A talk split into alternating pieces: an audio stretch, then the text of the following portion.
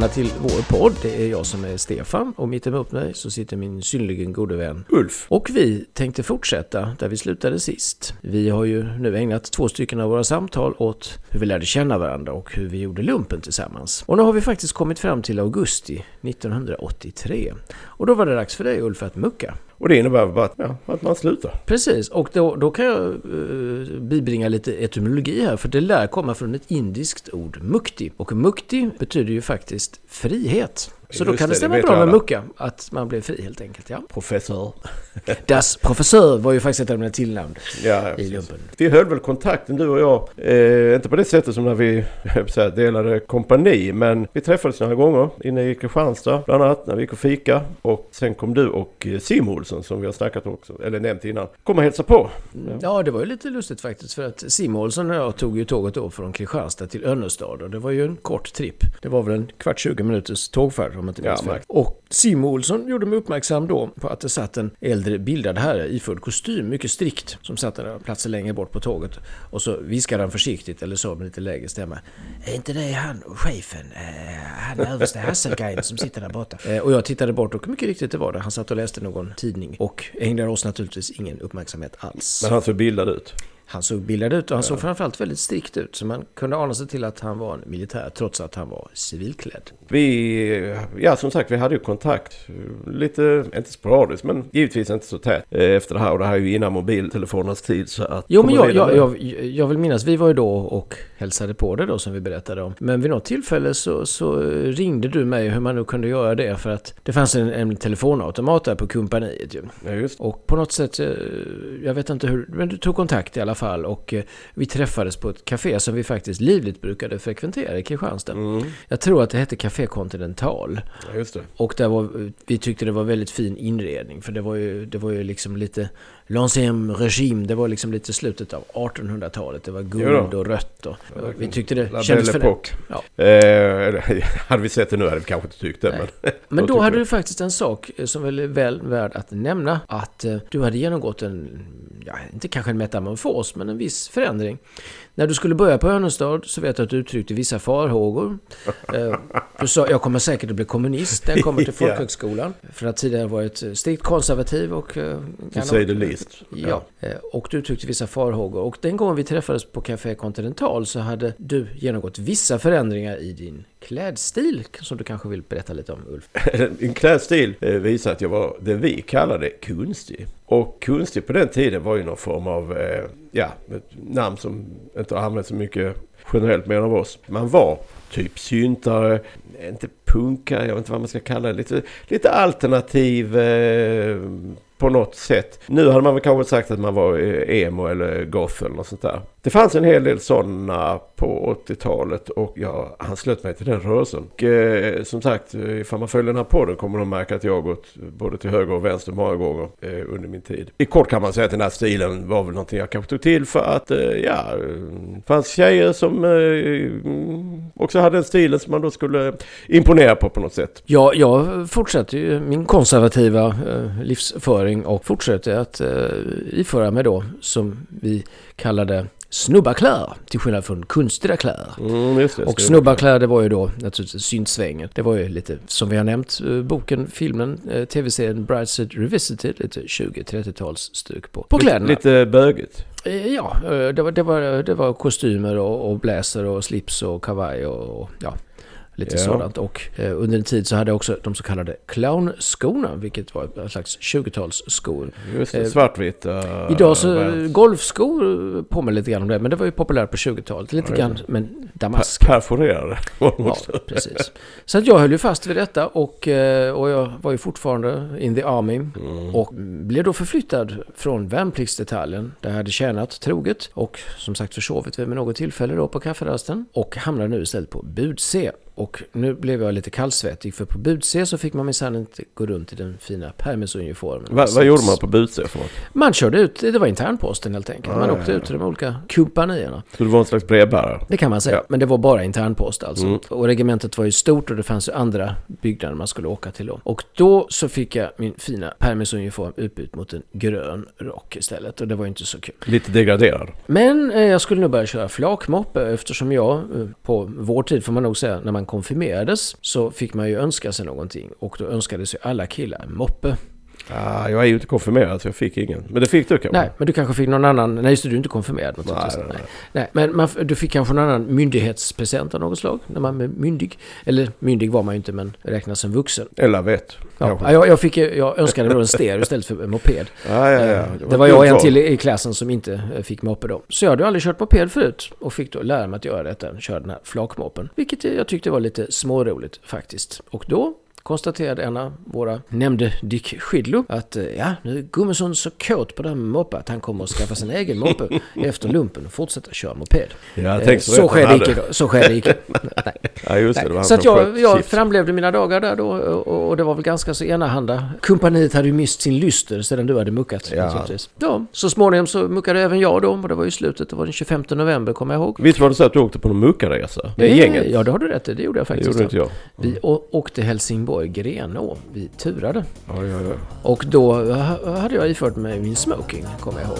Eh, Jag, jag var till och med så, så fin på det att jag bytte om till middagen. Ja, men eh, det uppskattades kanske inte riktigt efter förtjänst. Det blev inga applåder för det.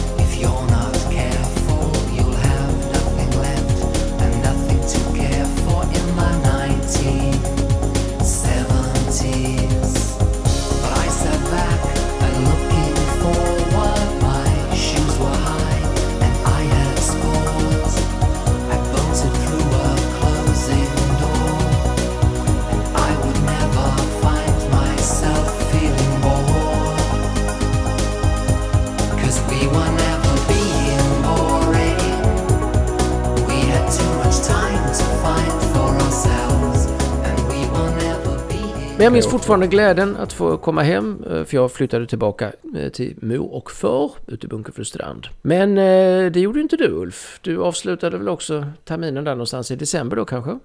I Jajamän. Och det var ju i internat. Det låter mer glamoröst än vad det var. Men eh, jag flyttade hem eh, i en vecka ungefär. Sen fick jag en, eh, minst sagt väldigt litet, typ studentrum, med storlek, eh, en lägenhet i Hässleholm. Och jag började jobba. Jag fick eh, någon sån här, uh, vad heter det, ungdomslag eller något sånt här. Någon, någon sån här anställning man kunde få ifall man var under 20 år. Och eh, då började jag jobba på eh, stadsbiblioteket i Hässleholm. Och det var, eh, ja det var faktiskt ganska kul. Man fick stå och sortera böcker. Men det gjorde jag väl, eh, man ska tänka, fram till sommaren eller sånt här. Medan du slog dank. Nej, jag slog faktiskt inte dank utan jag råkade ut för någonting liknande. Det jag gjorde, det fanns någonting som hette AMS-tjänst. Som också handlade om att sätta ungdomar i, i eh, arbete. För att snygga till statistiken. Ja, ja, hittade på jobb. Eh, ja, jag hade tidigare då, eh, faktiskt innan lumpen, eh, den terminen där innan efter att jag slutade gymnasiet, så hade jag jobbat AMS-arbete på MSU, MUF, Moderaterna då. Men nu hade jag fått ett jobb på någonting som kallades för Kim Ung, Kultur i Malmö för ungdomar. förkortades då Kim Ung. Kim Jung. Ja, det var ingen som drog de parallellerna just Nej. då. Och det skulle då vara ett borgerligt alternativ till den vänstervridna kulturrörelsen i Malmö. Och eh, jag minns så väl, det var en god vän som ordnade jobbet till mig. Och eh, det var jag då ett halvår då. I detta bestod också att bedriva kulturarbete ute på skolorna. Eh, men också att göra en tidning som också hette Kim Ung. Ja, okej. Skrev om kultur då. En gratistidning. Det var en gratis tidning. Ah, ja. Den, den skolan hade gått med på så att vi skeppade ut de upptryckta exemplaren. Och, ungefär som man dumpar tidningar idag.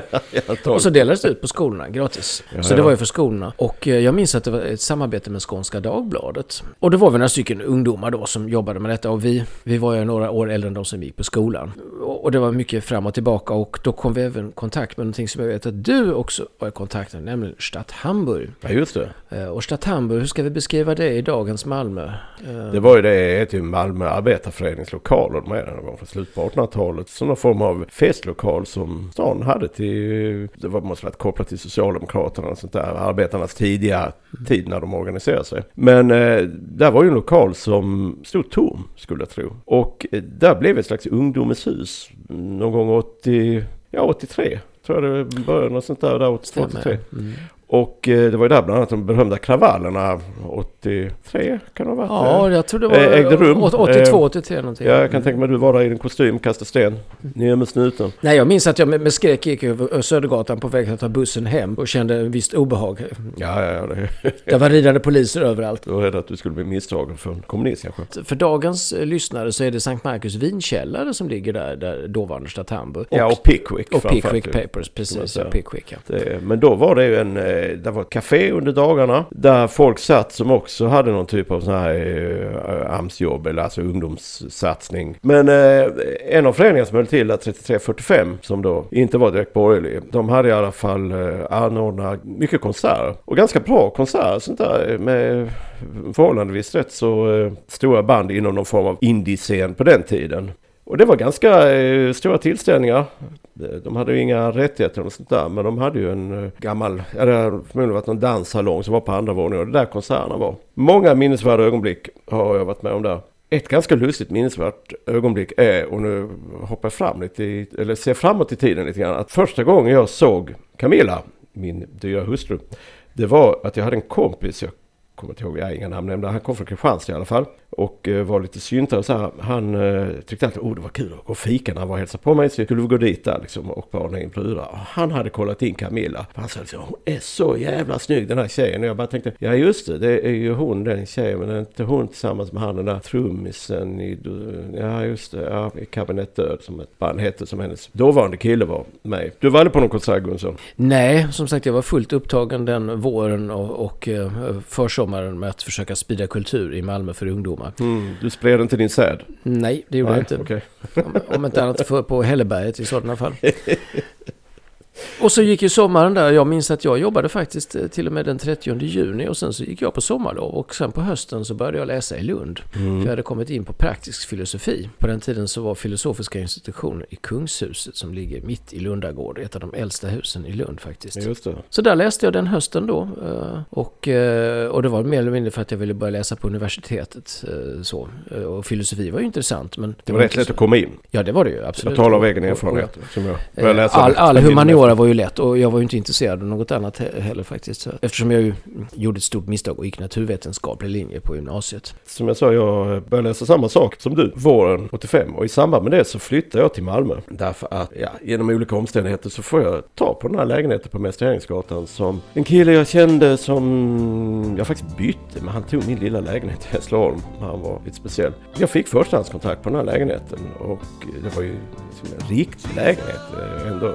Nästan 50 kvadratmeter. Och, Ja, ganska hyfsat läge där vid Sankt Knut. Ja, jag kommer inte ihåg så mycket mer om den tiden där först, men jag hade ju en inflyttningsfest där bland annat du dök upp på. Och eftersom jag då var kunstig så stack ju du ut mycket och de flesta jag umgicks med var det också. På den inflyttningsfesten var det mycket folk från någon form av, eh, vad ska man säga, alternativ scen i Malmö i alla fall. Men du dök upp där. Och jag Ja, du hade men- klänning, nej? Nej, jag hade ju då, jag höll ju fortfarande fast vid Brightside-stilen då, om jag får kalla den för sådant. Så att jag Ja. hade ju eh, faktiskt, det var ju lite fel. Jag hade mörkblå eh, kostym och eh, sen så hade jag eh, stärkt skjorta med lös eh, stärkt krage som fordon var. Och till det hade jag faktiskt eh, lite, eh, lite missvisande svart smoking-rosett. Och då dessa clownskor som hade i två varianter. Ett svart och vitt och ett blått. Och, Jag tror inte att någon annan som var på den festen kanske brydde sig så nämnvärt om eh, vilken fluga du hade till.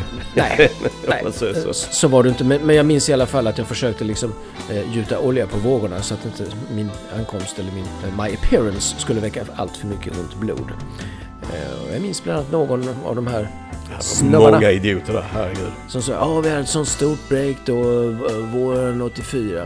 Och tänkte vad var det som hände då? Jag förstår inte alls vad du talar om. Nej, det var Det många, många navelskådande vänstermuppar som var där då.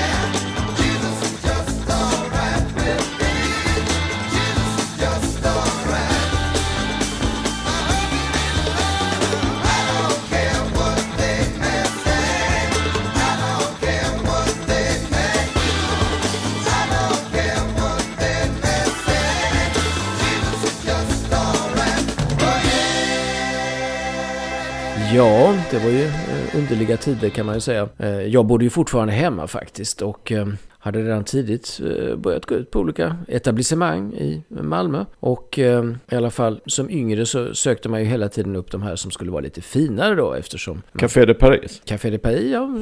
Det var inte särskilt fint i och för sig utan det var ju ett ställe som man brukade gå till när man jobbade på jag jobbade på Moderaterna då, som AMS-arbetare. Men det var billigt. Det var billigt om man kunde få en smörgås och sådär. Men sen blev det ju faktiskt Rådhuskällaren till exempel som skulle vara lite finare. Och Kramers hörna hette det inte på den tiden men det som är Hotell Kramer som ligger Mm. i, Stortorget. Och det var tesalonger och skit. Ehm, och så var det naturligtvis Kockska krogen. Som, Ja, det var det där var ju ett ställe som jag hängde Ja. ofta och mycket på. Och Men nu snackar du mer om ställen inne i stan. Ja, men precis. För att, för att jag, jag var liksom rätt obekant. Du bodde ju ganska nära Möllan kan man Mm. säga, Sankt Knuts torg. Men jag var rätt obekant med, med, eh, Sankt, eller med Möllan då. Men vid något tillfälle så fick jag och eh, min gode vän då, som jag tillbringade mycket tid tillsammans med då, vi fick höra att ölen nere på Möllan skulle vara väldigt billig. Och då har du till saken att på den tiden så var ju en öl väldigt, väldigt dyr. Vi snackar nu 80-tal och då tror jag att en öl på ett lite finare ställe kunde betinga kanske en 50-60 kronor. Ja, vilket var oerhört mycket Ja, pengar. vilket kanske motsvarar en hundralapp idag, Ja. skulle jag tro. Eh, Och vi är ju nästan där igen, skulle jag säga, med ölpriserna. Men, men, men, men det, så det var väldigt dyrt. Men på Möllan, där kunde man ju köpa en öl för 25-30 kronor, nästan halva priset. Det fanns ju många ställen där vid Möllevångstorget. Wienerwald var det ett ställe som vi gick till första gången. Och Det var lite mer classy för att vara på Möllan får man ju säga. Kan man säga. Och Orient var ett annat ställe. Där fanns det en, en kvinna som serverade som kallades för Mama. Men det var ju värsta stället. Det var värsta stället. säga. Men ölen var så billig. Så där kan man säga att i alla fall jag inledde, eh, inte radikal period, men snarare eh, vadade runt på olika sylter och inmundigade billig öl. Som kunstig på den tiden, eh, där många alternativa människor rörde sig, det var ju Sorba på Bergsgatan. Det var ju absolut eh, största. Och det var väl kanske tio bord med fyra platser till varje bord. Men eh, de här grekerna som hade det, de lyckades klämma in liksom eh, 10-15 vid varje bord ungefär. Så det var otroligt trångt och rökigt. Det var mycket billig öl och ölen fick man direkt. Man fick burken direkt Ja. i handen. Det var inget tjafs här. Nej, nej, inget krimskrams där. Pub 25 gick jag aldrig till och inte du heller för. Men det låg lite... Eh, Men men det var ju lite speciellt därför att jag tror det var mycket fotbollsfans som gick där faktiskt. ja, det var väl MFF-puben på den tiden. Ja, precis. Och de hade ju en regel då, nämligen att man fick inte gå in med slips. Ja. Hade man slips på sig så kom de fram och klippte av den. För det fanns nämligen en hel vägg fylld Filme aufklebt, das Slips, einfach. Gubbe, någon unga som eh, hade en lite märklig sylta. eh, Han var konstig på alla sätt och vis. Han, Han, han var väldigt, vad ska man säga, eh, kolerisk. Eller hans humör kunde variera väldigt mycket för han kunde skälla ut sina gäster i ena stunden. Ja. Andra stunden kunde han vara trevlig då. Och eh, han var ju ungare då som du sa. Han hette väl Zoltan då. Om det var före eller efter honom, det vet jag inte. Men han serverade ju också alltså. rätter som han själv lagade. Han kunde ropa ut i köket. Det var nästan som Basil Fawlty. För det fanns ju ingen kock ute i köket utan det var ju han som gjorde han allt. svarade sig själv. Han både lagade mat och serverade. Och så fanns det väl en rätt och det var väl då gulasch. Det var gulasch. Ingenting Precis. annat. Annars kommer jag inte ihåg så många ställen. Ja, så fanns det KB också. Men det låg ju lite off då eftersom det låg vid Erikslust. Så fanns det rätt mycket café också som man gick. Jag hängde mycket på café i alla fall. Eh, ja, så fort jag hade en stund över det var dagtid. Och det jag hängde på mest kan jag säga det var väl eh, Siesta på Gamla Väster. Då var det bara ett rent café eh, med fruktansvärt dåligt kaffe. Och där satt liksom så här, det var ganska kul för att där var det så att om man gick dit en lördag förmiddag så satt det ju liksom en, de flesta sådana som jag kände som då hörde till den här typen av de som var kunstiga, det vill säga de här lite mer alternativmänniskorna. Sin andra del där satt det här rocktyperna. De som gick till ett annat ställe som hette Oves, de som eh, hängde på KB. De var, det fanns liksom ett, ett litet vattentätt skott mellan. Sådär, de, en utomstående hade nog sett stor skillnad, men det var en stor skillnad. Det var inte alls att det fanns något fiendeskap sådär, mer än att det var de andra.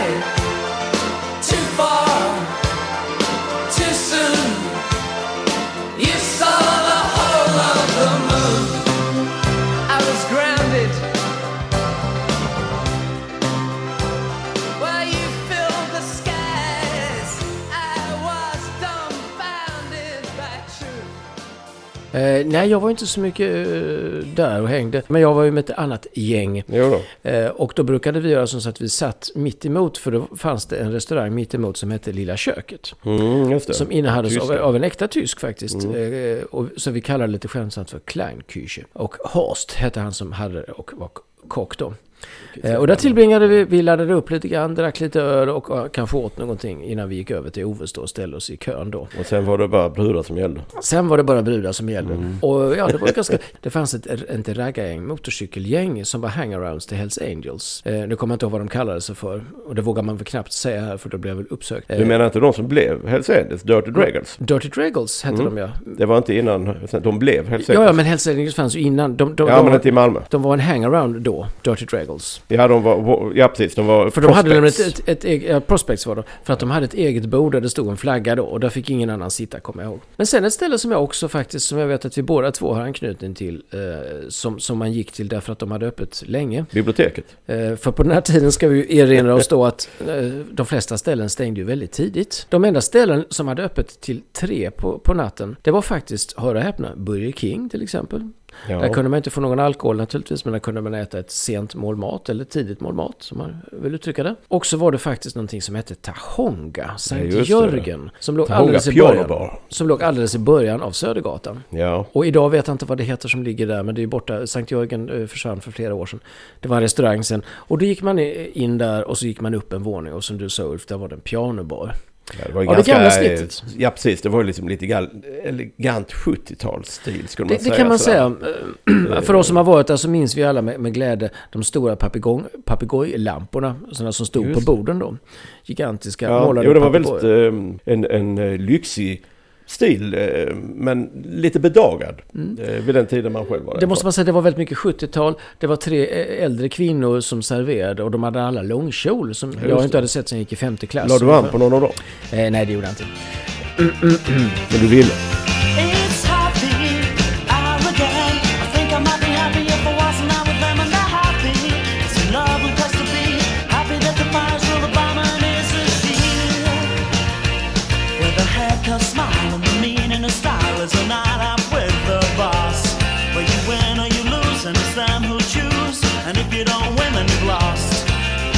What a good place to be. Don't believe it.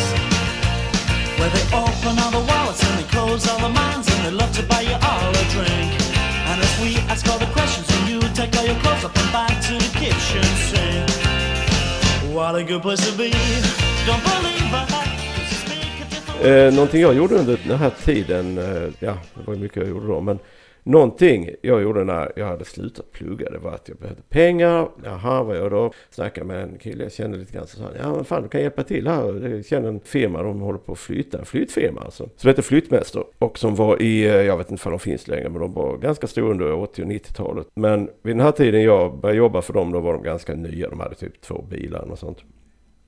Och det livnade jag mig på under hela den sommaren skulle jag nog säga. Och det, ja, det var ganska mycket spännande saker som hände där. Kommer ihåg en gång jag och eh, två stycken ur den här konstiga kretsen och en annan här, en gemensam bekant till eh, mig och Stefan, eh, var med och jag kommer inte ihåg för han var med just på det här tillfället. Men det var ett stort kontor som skulle tömmas. Vi hade ett stort jävla typ arkivskåp i plåt vi skulle flytta ner för trappa. Och en av de här säger bara, äh, fan vi tar en paus liksom Liksom sådär. Och så tar han fram en joint och så eh, tänder den. Helt otroligt. Där inne, där, där var ju ingen som jobbade där med än vi just på det planet. Och hur som helst, vi blev sjukt fnissiga av det här va. Och totalt kraftlösa. Och vi började flytta det här stora jävla tunga skåpet. Och helt plötsligt känner man bara, man bara skratta. Tappade det, bom, bom, bom, kör ner för trapporna. Eh, förmannen, eller vad jag ska kalla kommer springande liksom. liksom vad fan har ni hittat på pågar? Men han säger ju ingenting om lukt eller någonting liksom sådär va. Och vi lyckades väl på något sätt dra in det här sen och han nämnde att nog gick på försäkringar. Ja, det här måste ju vara ett 85 ja.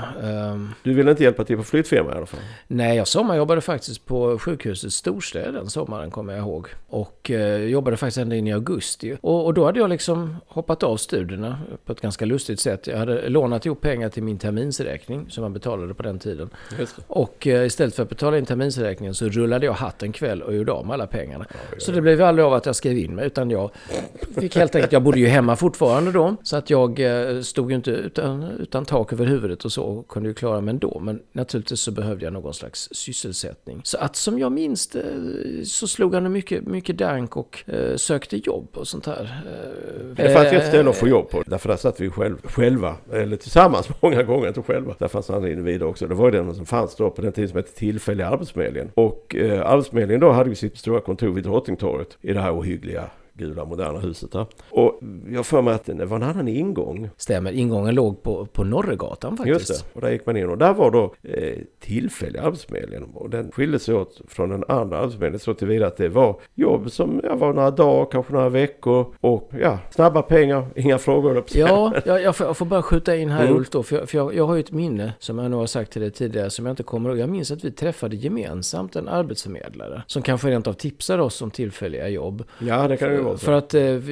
jag stod utan jobb då, inga studier, skulle jobba, du behövde också jobb. Så vi gick in och, och pratade och då, då ställde jag frågan, eh, finns det möjlighet att gå till sjöss? Eller det kanske inte gör så längre. Det kanske var under Evert Taubes dagar som det var möjligt och hon bekräftade min misstanke att nej, så lätt går man inte till sjöss idag. Men jag tror att eh, hon tipsade oss om tillfälliga arbeten. För det var ju som du säger, det var ju jobb som kanske kunde vara en eftermiddag, en dag, ett par dagar. eh, Väldigt och- enkla sysslor. Enkla, och Fysiska. någonting som var ganska eftertraktat och som jag tror var rätt så välbetalt, det var att jobba i hamnen. Eh, att eh, lossa och lasta Ja, på. stuvar och så. Stuvar och så. Mm. Jag har för mig att de hade sin egen arbetsförmedling dock vid den här tiden. eh, Eller att det var på ett annat ställe. För att jag kommer aldrig ihåg att det var något sånt som mm, ropades ut när vi var där. Vi gick ju dit, eh, vi var ju där många gånger. Jag kommer inte ihåg dags vi gick dit, där vi träffades. Man skulle vara ganska tidigt för att då jobben kom in liksom så här. Ja, jag minns faktiskt att vi, jag, jag minns inte om de öppnade sju på morgonen. För jag minns att jag anträdde min resa från Bunker för Strand där jag bodde då hemma. Typ vid sextiden på morgonen. Så jag tror att de öppnade sju eller någonting sånt. För vi strålade samman, gick dit.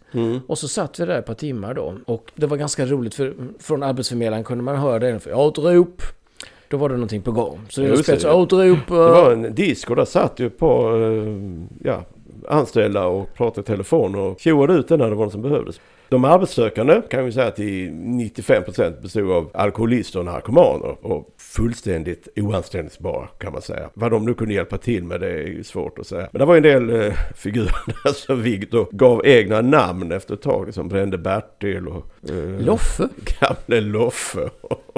Och jag är inte bränd. Ja, jo det fanns många eh, karaktärer men eh, ingen var någon sån som man kanske skulle vilja betala lön till. Nej, Men var det, var det någon yngre också som, Ja. som hade sådana Elvis-polisonger som, hade- som säkert kunde lyfta någonting kanske så. Han verkade lite mindre. Var inte han uteliggare? Nej, jag tror att, men, men, men som sagt, visst, visst var det så. Det var, Ja. eh, det var, och eh, vi fick ju aldrig, för att jag minns att vi brukade sitta där ett par timmar och sen så efter klockan tio eller så, så var det nog inte lönt. För sen gick Nej. vi och fikade. Sen gick, det, bland annat på Maritza, som var ett café som låg, där Hard Rock Café på Södergatan ligger idag faktiskt. Ja, på ovanvåningen Eller där det är låg. Det är låg, för det finns ju inte heller kvar. Nej, det har inte funnits på 20 år. På Södergatan i alla fall. Ja. ja. precis. Det var lite så här. Vi, vi brukade alltid gå, eh, efter, efter det här misslyckades så gick vi alltid och fikade. Ja. Och eh, vi hade, inte, vi hade väl pengar till varsin kopp kaffe eller någonting sånt. Det var ju... Nej, det var, men det var ganska kul här på, just på den här arbetsförmedlingen. För vi hade liksom som en slags krav att vi skulle båda få jobb. Vi ville inte, den ena skulle inte bara gå iväg och den andra sitta kvar va. Nej, för precis. visste man ju att nej usch, det var ju läskigt. Nej, och jag, jag vill minnas att vi, att vi gick dit tre dagar på raken. Mm. Eller någonting som två, tre dagar på raken gick vi Mm. dit. Och det resulterade i ingenting. ja, det fanns ju jobb, men det var som sagt... Då ville en. bara ha en och vi ville Ja. jobba tillsammans. Då. Ja, precis. I någon märklig symbios. Hur som helst så fick jag ändå ett eh, jobb eh, lite senare där igenom. Därför att jag tror vi var registrerade på något sätt. Därför att det ringde en eh, arbetsförmedlare hem till mig och sa då att, eh, jag har glömt vad heter det, Kvarnby Bröd. De behövde en hjälpbagare ute, och det var väl tre veckors tid eller något sånt. Ute i, eh, vad heter det, Södra Sallerup. eh, Ja, Kvarnby heter Ja, det. Kvarnby. Mm. Eh, hette det stället, men Kvarnby hette inte platsen. Ja, för Eh, Kvarnby, Södra Sallup och, och, och ligger ju där. Och bortom Södra Sallup så kommer man till Kvarnby. Ja, men det här var inte så långt Nej. bort. Eh, men det var ju jävla lång bit bort va. Och kommer ihåg, och tittade på kartan kvällen innan jag skulle dit. För där hade man den här underbara, ena dagen började man jobba klockan två, som då var tidigt. Eh, och det slutade kanske vid åtta kanske, något sånt. Eh, och den andra dagen började man klockan fem och slutade tolv eller sånt där. Det fanns någon slags utjämning i timmarna. Eh, det var ganska eh, hårt jobb, men det var ganska kul också. Jag kan väl säga att det var ett litet bageri. Det fanns mycket att säga om de som jobbade där, men de var, eh, ja, de var ganska okej. Och jag lärde mig faktiskt baka där. Och som alla bagerier så finns det mycket sådana här äckliga historier därifrån. Bland annat första gången kom de och sa liksom, ja, det är så här det funkar när man gör ströbröd. Och så hade de en stor jävla konstig kvarn eller någon, någon slags maskin som malde sönder och gammalt bröd och körde ner. Och där hörde man ju liksom under en minut tio stycken konstiga skrik. Mm, mm. För det var ju råttor som åkte ner den liksom, som var bland bröderna som maldes med där. Och det var liksom inga frågor. Men eh, det var en eh, helt okej syssla. Alltså där i, eh, jag kommer inte ihåg, jag jobbade väl där i slutet på sommaren.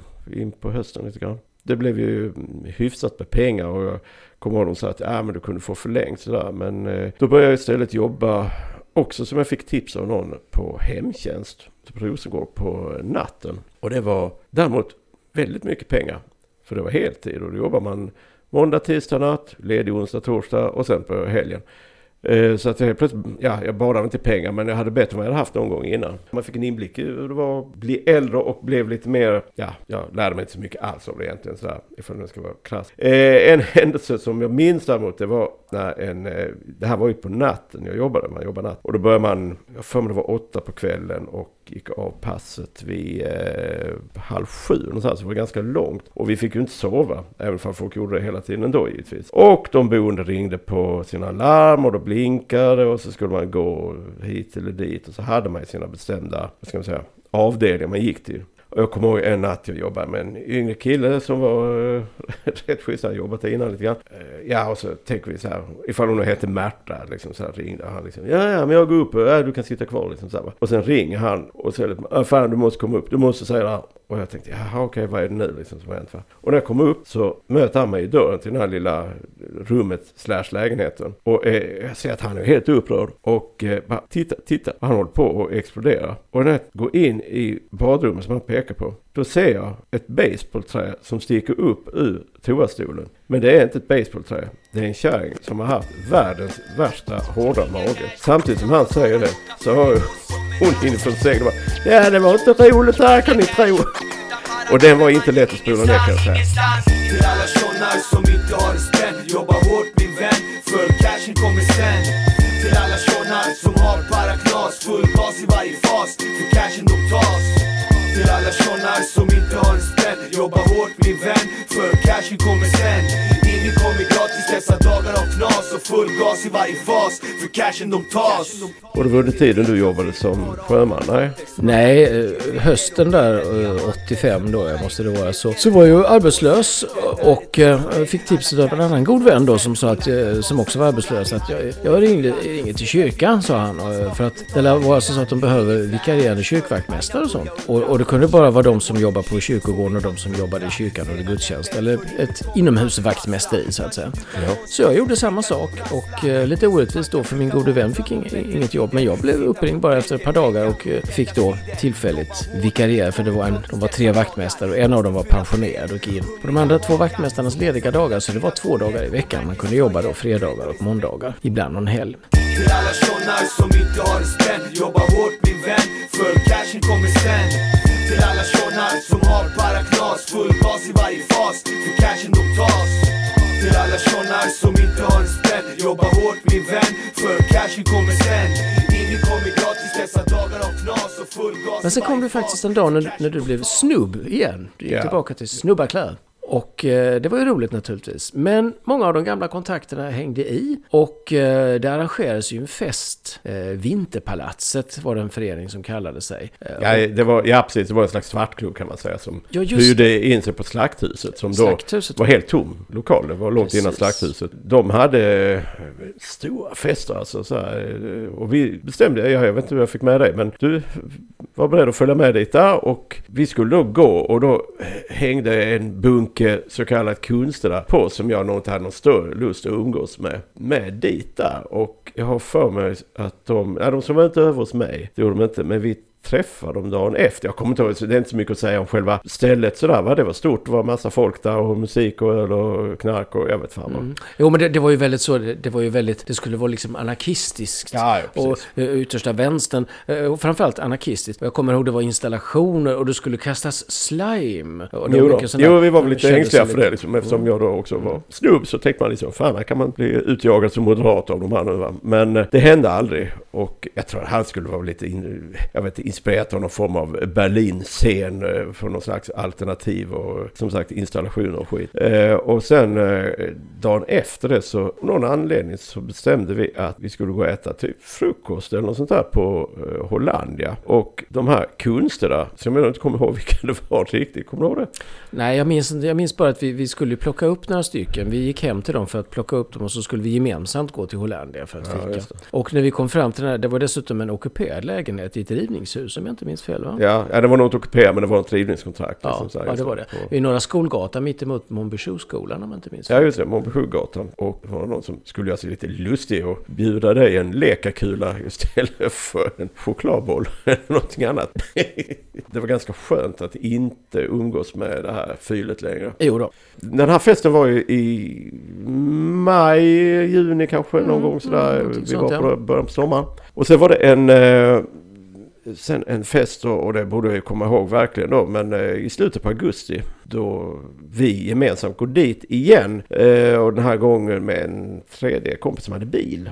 Som Just körde det. dit har jag Stämmer mig det? till. Ja, just det. Han brukar inte dricka så mycket då, men då drack han ju ingenting. Nej. Får jag hoppas. Och för mig är det lite speciellt, för det var ju där jag träffade Camilla. Kommer mycket väl ihåg att vi på något sätt gick lite olika vägar där när vi kom fram. För det var ju en stor jävla lokal med massa olika rum och våningar och grejer. Jag kommer ihåg att hon, eh, jag stötte på henne hon kom fram och så frågade hon då liksom, ja har du sett? Och så nämner hon då sin förra killes namn då liksom, eh, som eh, vi inte kanske ska lämna här. Och eh, jag kände ju honom, ja, lite grann sådär. Så sa jag, nej jag har inte sett honom. Så eh, hon hänga på mycket liksom sådär. Så vi gick runt och pratade, pratade, pratade och eh, ja, lärde känna varandra mer under hela kvällen. Och på den vägen var det. Och jag kommer ihåg vi satt utanför. På den här tiden var ju inte det området alls exploaterat. Utan det var ju rena, ja, en sån barngård ungefär. Eh, och vi satt där eh, uppflugna på något tåg och och snackade fram till småtimmarna. Och jag kommer att du och vår bilburne vän kom förbi och undrade ifall man skulle hänga med. Men det hade jag ju ingen lust att göra då. Nej, det var ju så att vi hade ju faktiskt,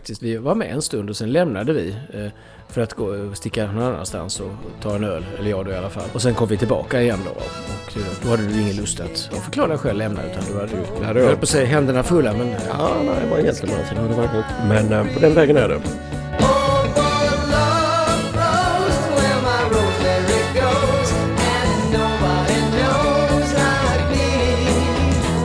She talks kinda lazy and she's crazy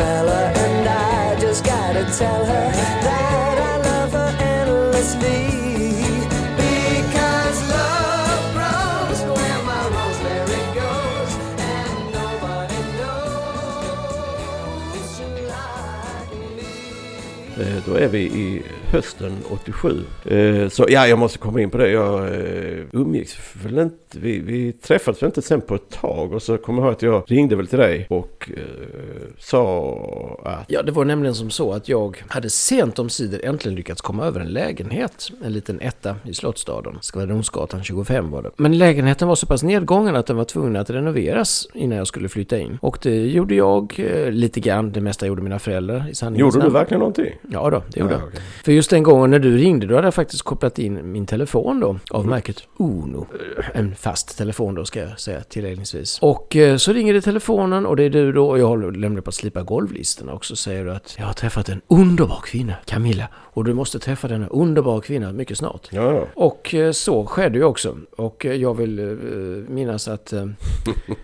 Ja, det var väl lite mycket lustigt. nervös för mig. Jo, jag var mycket nervös. Det var väl Camilla också. och Du också kanske. Ja. Alla var nervösa. Varför vet vi inte.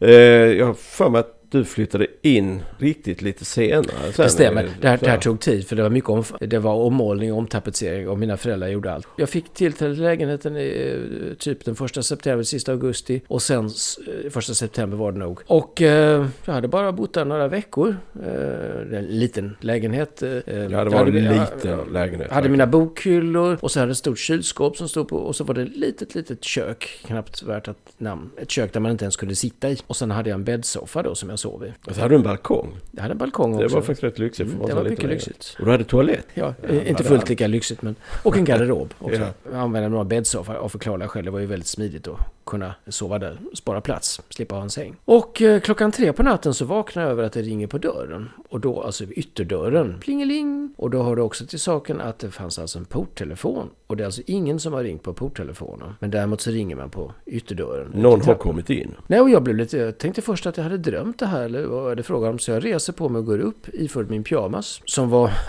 ja, oskiljaktig på den tiden, när jag skulle vid sänggåendet. Ja, ja. Och- du sov aldrig Går, kallingar. går, ut, går ut i hallen och så, och, så, och så hör det plinga till igen. Och nu förstår jag att det här är ingen dröm, utan det här är på riktigt. Jag blir lite orolig då. Och så hör jag en dämpad röst. Det var såna här tunna dörrar, papier-maché-dörrar kan man säga, som det är de här 30-40-talshusen.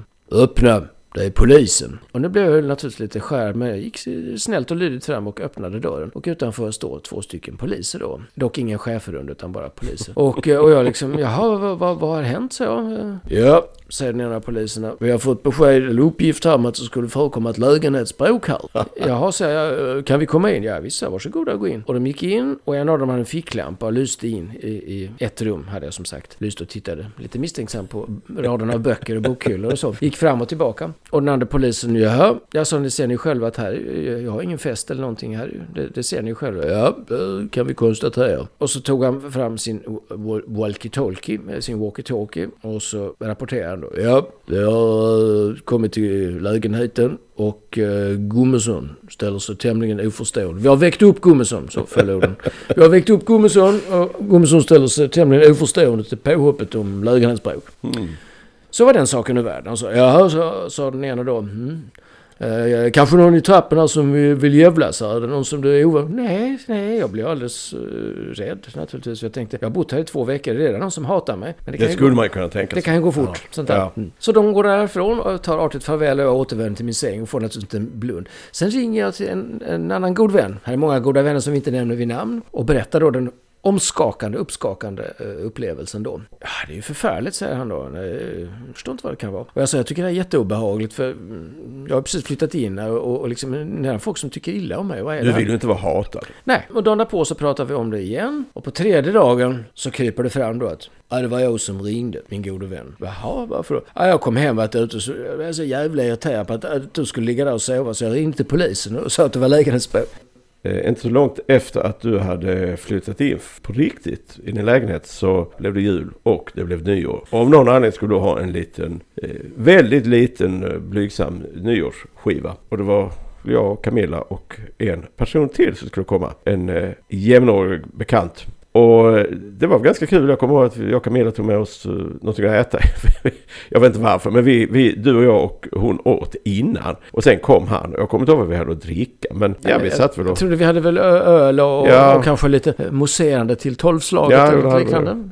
Men hur som helst så eh, blev nog både han och jag lite i gasen. För jag kommer väl ihåg hur vi stod och vrålade från din balkong som vi uppskattar. Och jag vet inte om du hade tomflaskor där från tidigare. För du hade haft en inflyttningsfest innan också. För mig. Eh, Det stämmer det. Men det var faktiskt som så att det här var vid tolvslaget. För det var ju som så här att vi åt och sen så kom den fjärde gästen då. Och jag, vet, jag minns inte om vad vi drack, men vi drack ju naturligtvis eh, vin och öl och vad det nu kan ha Mm. varit. Så att vi, alla, Ja, blev jag blev påstruken. alla blev väl lite på lyset. Jag tror även att vi drack Madeira-vin faktiskt. Men, eh, vid- tolvslaget så- gick vi ut på min lilla balkong och eh, eh, var på örat här då lite grann. Och eh, inte jag, men jag minns inte om det var du eller den fjärde gästen som kastade, och, det var tomflaskor som vi hade druckit. Jag lovar att jag kastade först men han var inte sen att fylla, Eh, nej, för jag blev lite förtvivlad för ni kastade flaskor ut.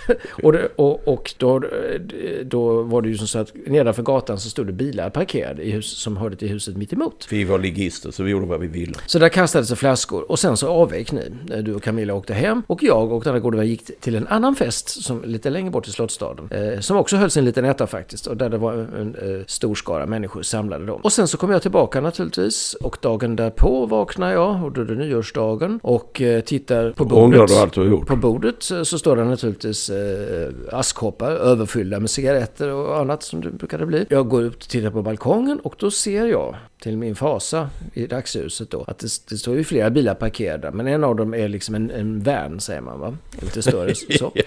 Det var Och- nog det vi siktade på. Och på, på taket på vanen så ligger det en tom flaska. Och det är väl en sak. Men vad som är mycket värre är att det är en buckla på taket. Och jag skulle ändå åka ut till mina föräldrar. Eh, för brukade göra det på den tiden på nyårsdagen. Det var dessutom mitt första nyår i min nya lägenhet. Oj, Så jag smyger ut därifrån och, och, och, och tar bussen eller cykeln och försvinner därifrån. Och hade sån ågren, som det heter, för att komma tillbaka. För jag är ju jätterädd att här skulle upptäckas. Jag hade ju bara bott nå- någon månad i huset och nu hade jag, eller rättare sagt mina så kallat goda vänner. Ja, jag förstår. Du Jo, har mycket, mycket missnöje. Men ingenting som i lumpen så hände ingenting utan kom undan med blotta förskräckelsen. Det var bara ett, ett litet bus, ett litet prank som vi gjorde.